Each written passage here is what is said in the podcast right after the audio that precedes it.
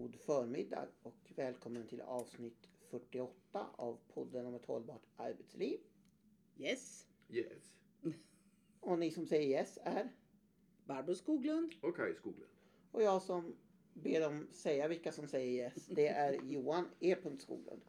Och vi kommer ju alla ifrån Age Management i Sverige AB som står bakom podden om ett hållbart arbetsliv. Och du brukar ju säga att du är programledare, men det sa du inte nu. Nej, det men kanske jag framgår. jag kanske framgår att det är jag som är programledare och det är de här två som sitter framför mig som är experter. Och det är du som hittar ämnena. Oftast är det så. Ja. Ibland eh, kommer de med egna förslag. Men ibland så... Ja. Och vad är det för kul du har hittat nu då? Ja. Ja, jag hittade en ledare i Expressen i somras publicerat den 12 juli. Mm. Som handlar om, om några svenska kommuner. Där man har sagt att, ja så här, ja, det finns ett gammalt, det finns, det finns en, en, en gammal vit som går så här. De anställda, som, de anställda på, på Sparkstöttingfabriken kan man kalla dem för medarbetare. Och då är det så här att nu längre så finns det inte lika ofta i kommunerna medarbetare. Och det handlar inte om någon kompetensförsörjningsbrist, att man har mindre, att man har Färre. anställda, inte mindre anställda ska jag säga, färre anställda. Utan det handlar istället om att man har, man har bytt ut de kommunanställdas namn. De kallas istället för medledare. Medledare. Medledare istället för medarbetare. Det låter ju nästan som sparkfabriken, men okej. Mm, men ett citat här som jag ser att Barbara strykt under. Som medledare levererar du till medborgaren. Som medledare lever, lever, lever du vår värdegrund i allt du gör, i alla, i alla, i alla möten. Och medledarna ska leda upp till de fyra värdeorden öppna, ansvarstagande, modiga och energiska. Okej. Och jag tyckte det där var lite intressant. Dels i det faktum att ni har ju faktiskt, eh, ja ni, men ni menar våra experter har ju faktiskt var, var, jobbat eller befunnit er i den offentliga sektorn eh, ända sedan, ända sedan, ja, alltså på ledarskapsnivå ända sedan 70-talet. Ja. Och då tycker jag att det är intressant just det här med medarbetarrollen. Alltså håller den på att förändras till en slags medledare eller är det chefen som bestämmer? Och då tänkte jag tänkte be, att be att ni skulle reflektera kring detta. Mm. Kaj börjar. Ja, alltså det här... Man kommer osökt att tänka på när man en gång i världen döpte om kalhyggen till föryngringsytor. Eller när, när städerskor och städare blev lokalvårdare. Alltså det här med ord, att man försöker ändra en verklighet genom att hitta på nya snitsiga uttryck. Men det är faktiskt lite djupare än så det här. Det står som medledare levererar du till medborgaren. Alltså det låter ju som om det är de anställda som ska leda mot medborgarna och det här bygger på en fundamental i så fall felsyn på, på vad man är till för. För det är ju faktiskt så att de, de, de anställda, de medledarna, de är faktiskt anställda för och finansierade av medborgarna och deras uppgift är ju faktiskt, om man ska förenkla, inget annat än att ge medborgarna den service som de har rätt att få för sina skattepengar. Och Eh, ve- vilka är det som beslutar om detta? Och det är den, Den po- pol- politiska, organisationen. ledningen. Ja. Det, det här låter ju som om medborgarna är till för tjänstemännen som ska leda de stackars medborgarna. Alltså, det, jag tycker det här är, rätt anmärkningsvärt. Eh, Man kan tycka att det är lätt att, lätt att raljera med, med ett uttryck Prosit, som medledare. Men, men eh, sen kan man ju fundera på de här fantastiska öpp, värdeorden. Öppna, ansvarstagande, modig, energiska. Kan man ju undra hur, hur många av de här medledarna som har fått eller kommer, kommer att få sparken för att de inte lever upp till något eller några av de här fantastiska värdeorden. Så jag, jag tyckte inte det här var särskilt bra. Men vad tycker du Barbro? Ja, jag har, har eh, eh, egentligen samma grund. Fascinerande. Ja, li, en liten kort historisk exposé. Mm. Med, ordet medarbetare kom till därför att man skulle sluta säga personal. Mhm. Mm. Det var under samma period som att vara chef, det var någonting som var scum of the earth. Det var, det var, det var inte något bra. Utan man skulle leda människorna. Mm. Man skulle vara ledare och det diskuterades vad det var som var skillnad mellan chefskap och ledarskap. Och chefskap det var typ att peka med hela handen och inte lyssna på någon. Men ledare det var liksom någonting annat. Och så lånade man då en uttryck ifrån, ifrån idrotten, bland annat coaching.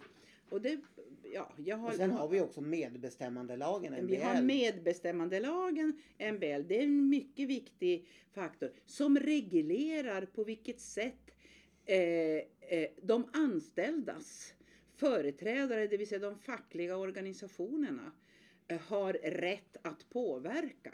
Mm. Och jag har faktiskt nyss skrivit en, en, ett, ett förslag till en, en utav mina eh, chefer som jag handleder kopplat till det här hur man kan, hur man kan jobba vidare på just MBN-lagen och, och delaktighet och inflytande för, för och, och då mitt favorit, by the book. Det är nämligen så här att det här blir lite komplicerat. Vem är det som ska leda den här organisationen? Är det medledaren eller är det chefen som ledare?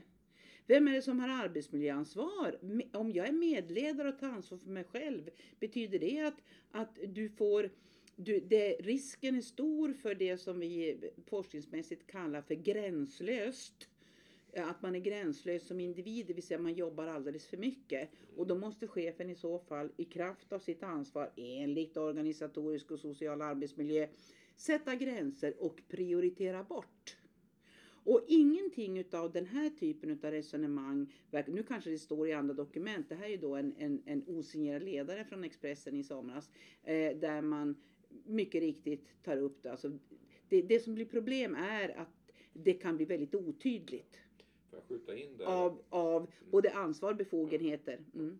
Och då har du ju det som man nu talar mycket om, det tillitsbaserade ledarskap. Mm. Man ska lita på sina medarbetare och de ska kunna ha just delaktighet och inflytande. Men man kan inte på, det, man kan inte på något sätt eh, tänka bort eller avstå från chefsansvaret eftersom det är så oerhört tydligt just i, i Arbetsmiljölagstiftningen. arbetsmiljölagstiftningen. Ja. Där det är chefens ansvar.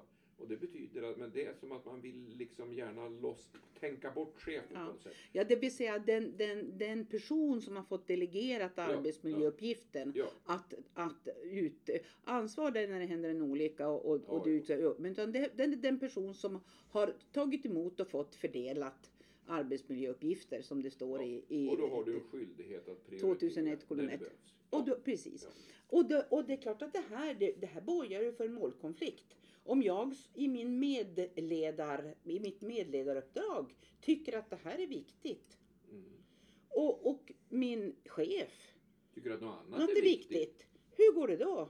Och då är det chefen som bestämmer. Beroende på hur man nu, eller är det enligt arbetsmiljölagstiftningen ja. Men är det så här att här är ett sätt att omedvetet eller medvetet försöka runda det eller man har inte. Mm. Alltså, därför att som chef kan det ju bli väldiga komplikationer om du har med, medledare som är dina medarbetare eller som faktiskt är anställda på, på den, i den organisation där du, du är satt att ha ett ansvar som inte accepterar det. Därför att jag har en, en medledaruppdrag och det är, står över det här andra.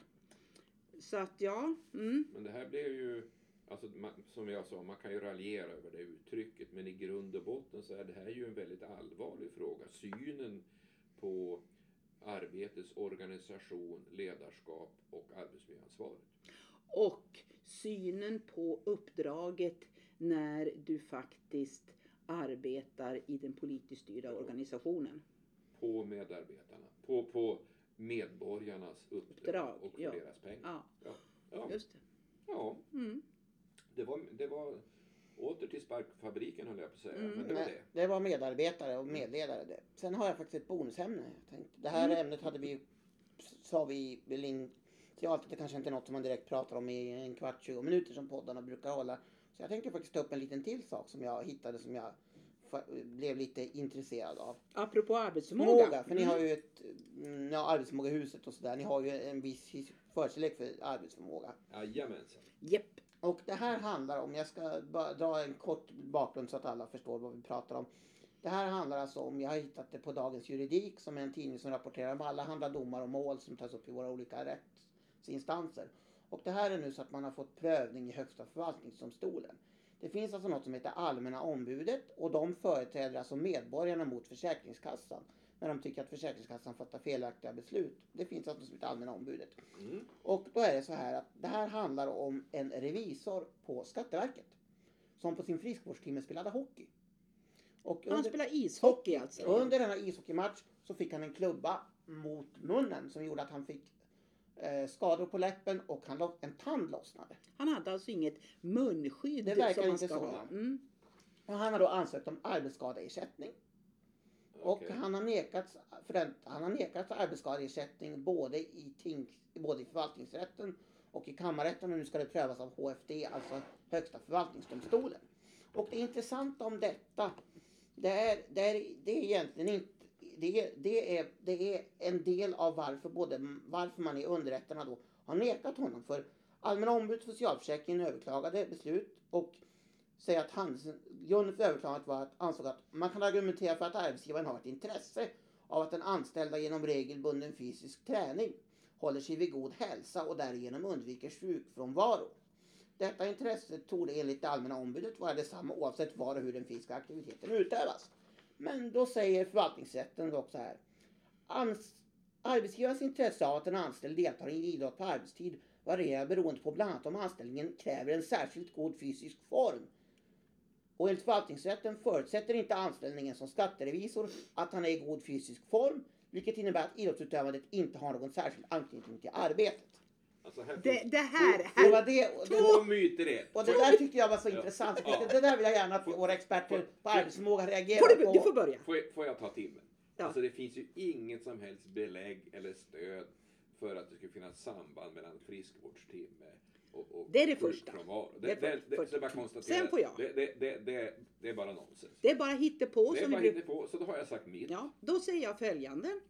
Att det är dessutom så här, att för vad det handlar om egentligen tror jag de menar, Mm. det är inte fysisk aktivitet utan det är faktiskt vad man menar att man behöver alltså en, en god syreupptagningsförmåga. Därför att det, det är syreupptagningsförmågan som är eh, en mycket viktig grund till arbetsförmåga.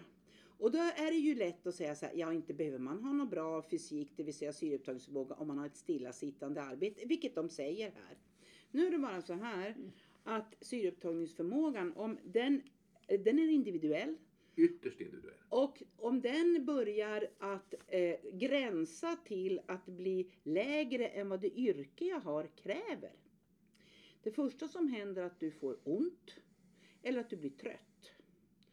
Och vad som händer då är förutom att du får ont och du blir trött, du fattar sämre beslut.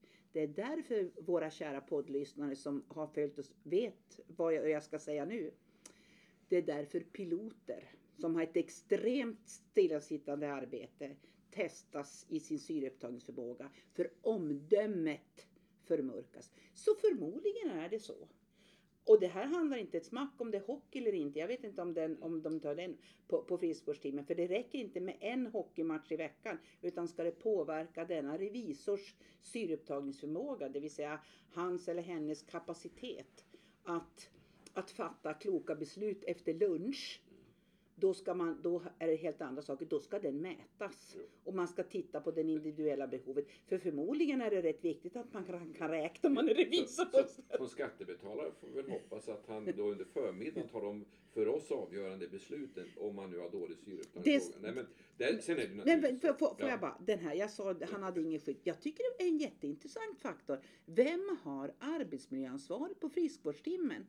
Alltså vilka hockeyspelare som, de har, de har munskydd och tandskydd och skydd över alltihop det. Om man alltså får sådana skador för att man får en klubba i munnen.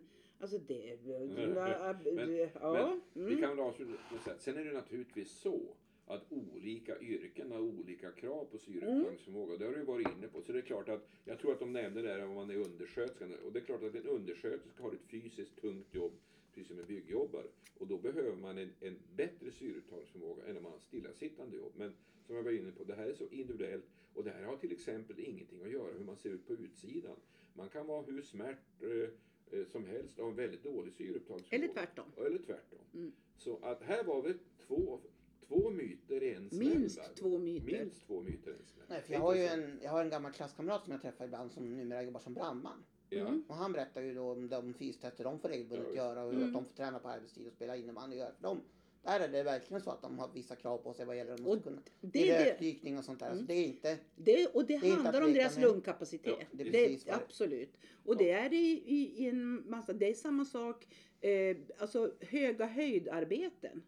Det vill säga på hög höjd. Det handlar om din balansförmåga. Mm. Och då gör man alltså det som heter förenklat mastprov. Mm. Det vill säga att du ska ha tillräckligt god syreupptagningsförmåga för att du ska kunna jobba på hög höjd utan att få yrsel och utan, trots alla säkerhets, eh, eh, för- så att säga, Nu får, anordningar. nu får vi se vad Högsta förvaltningsdomstolen Ja. så småningom säger detta delikata mål. Du får följa Herr det. programledare, detta måste du följa upp. Det får ja. jag göra. Ja, Så, Ja, ja. that's it for today. that's Eller? it for today och vi har inte riktigt bestämt vad nästa podd ska handla om. Vi har en del på gång. Dels har vi pratat om det här som Barbro hade om det här om att, om att många tycks tro att personalfunktionen är, är någon form men alltså att de är en del av staben, att de inte är ledningen eller hur nu var Nej, det? tvärtom kanske det Ja, var. tvärtom kanske Mm. det var. Och så har vi pratat lite också om det här med kompetensförsörjning. Vi fick ju nu lära oss ett nytt ord i veckan. Ordet vård, eh, vårdkompetensråd som regeringen har inrättat. Just det. Ja, det måste vi fundera Vi på. får se vad nästa podd har, har skötet. Jag vill bara avsluta med en liten fråga. Och det är ju det att om man då, eh, tar om det vi pratade om först, och det är att om man, om man inte kan sluta åka spark, eh, fast man, är man då medberoende? Det var väl min avslutande fråga. Medberoende. Tack för det, programledare. Ja, då säger vi tack och hej. Tack och hej. Tack. Tack och hej.